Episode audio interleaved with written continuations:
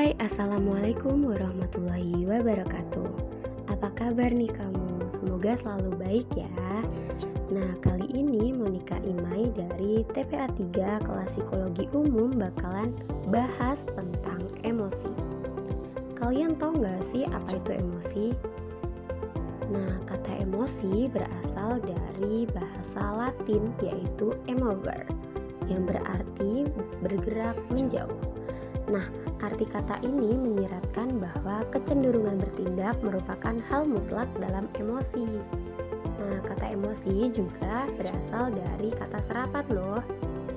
Bahasa Inggris nih, yaitu emotion. Kalau dalam kamus, kata emotion ini digunakan untuk menggambarkan perasaan yang kuat akan sesuatu dan perasaan yang menyenangkan. Menurut Wagito, pada tahun 1989, emosi adalah suatu keadaan perasaan yang telah melampaui batas, sehingga untuk mengadakan hubungan dengan sekitarnya menjadi terganggu.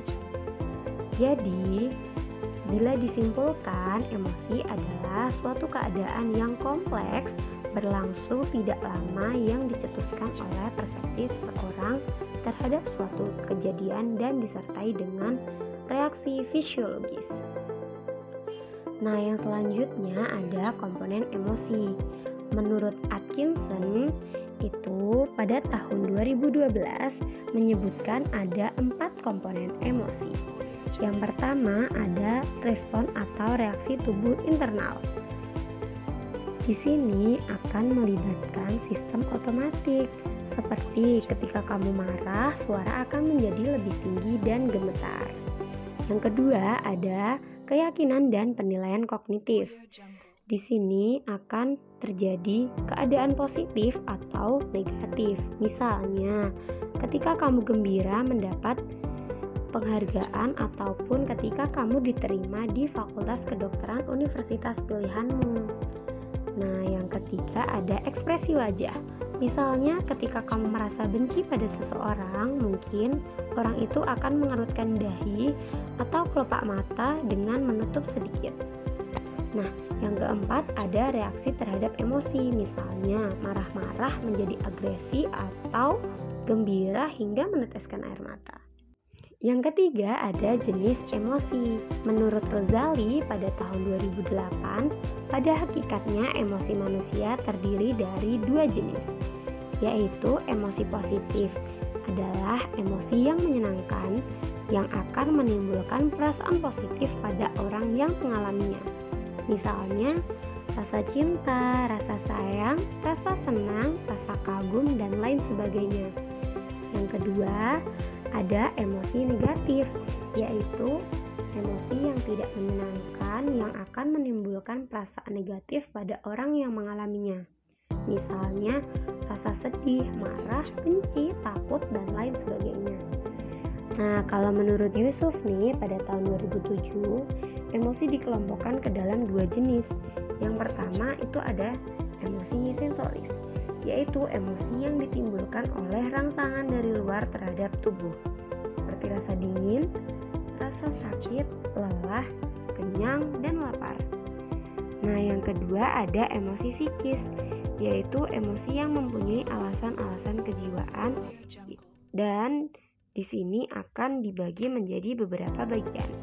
Yang pertama, keresahan intelektual, yaitu mempunyai hubungan dengan ruang lingkup kebenaran diwujudkan dalam rasa yakin atau tidak yakin terhadap hasil karya ilmiah.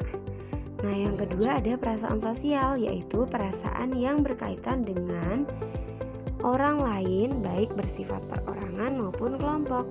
Wujud perasaan ini seperti rasa solidaritas atau rasa persaudaraan.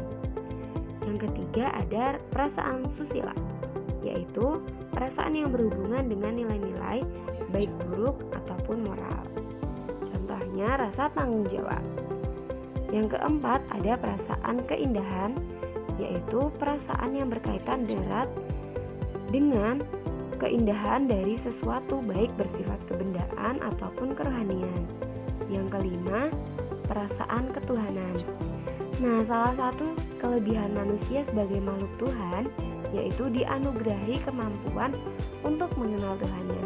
Dengan kata lain, manusia dianugerahi insting religius.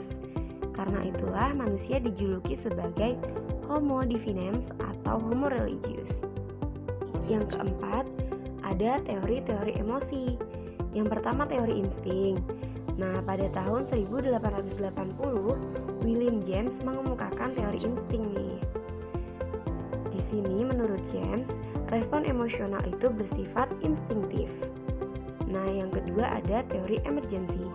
Teori ini dikemukakan oleh Walter Buchanan, seorang fisiologi dari Universitas Harvard. Oh, keren ya.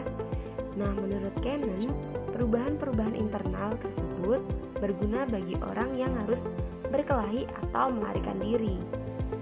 Nah, yang kelima ada perkembangan dan pertumbuhan emosi.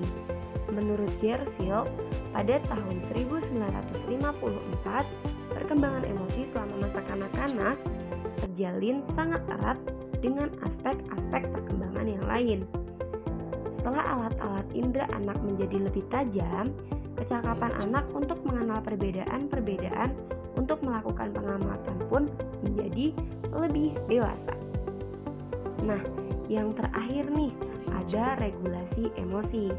Menurut Gross pada tahun 2007 menyatakan bahwa regulasi emosi adalah strategi yang dilakukan secara sadar ataupun tidak sadar untuk mempertahankan memperkuat dan mengurangi satu atau lebih dari aspek respon emosi, yaitu pengalaman emosi dan perilaku.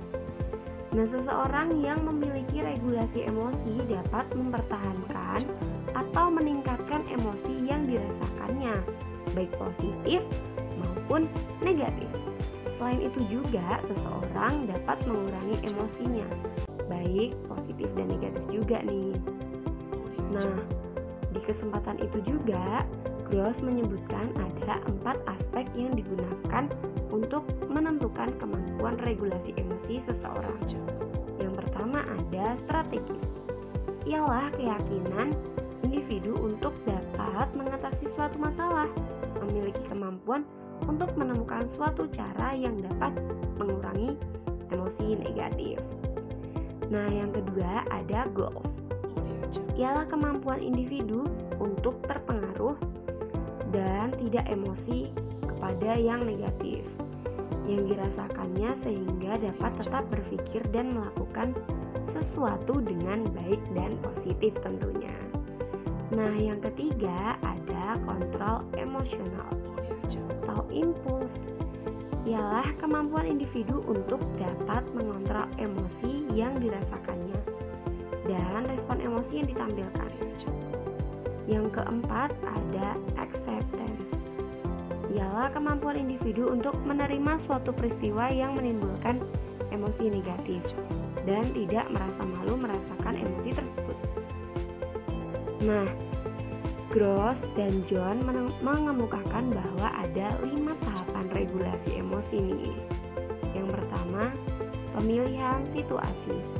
Pemilihan situasi digunakan individu untuk mempertimbangkan manfaat jangka panjang ketika memilih situasi tersebut. Yang kedua ada modifikasi situasi. Nah, di sini membantu individu untuk membentuk sebuah situasi yang diinginkan dan merupakan usaha yang secara langsung dilakukan untuk memodifikasi situasi agar efek emosinya teralihkan. Yang ketiga ada terbukanya perhatian yaitu situasi di mana individu mengetahui pengaruhnya terhadap emosi. Yang keempat, ada perubahan kognitif. Perubahan kognitif adalah bagaimana individu dapat menilai situasi yang terjadi pada individu dengan mengubah emosi secara signifikan. Yang terakhir nih, penyesuaian respon. Penyesuaian respon ini terjadi di ujung proses bangkitnya emosi. Dalam tahapan ini, individu dapat menyembunyikan perasaan yang sesungguhnya kepada orang lain. Wah, itu ya. Jadi, emosi bukan hanya menunjukkan tentang yang negatif, tetapi semua tingkah laku kita adalah emosi. Nah, sekian penjelasan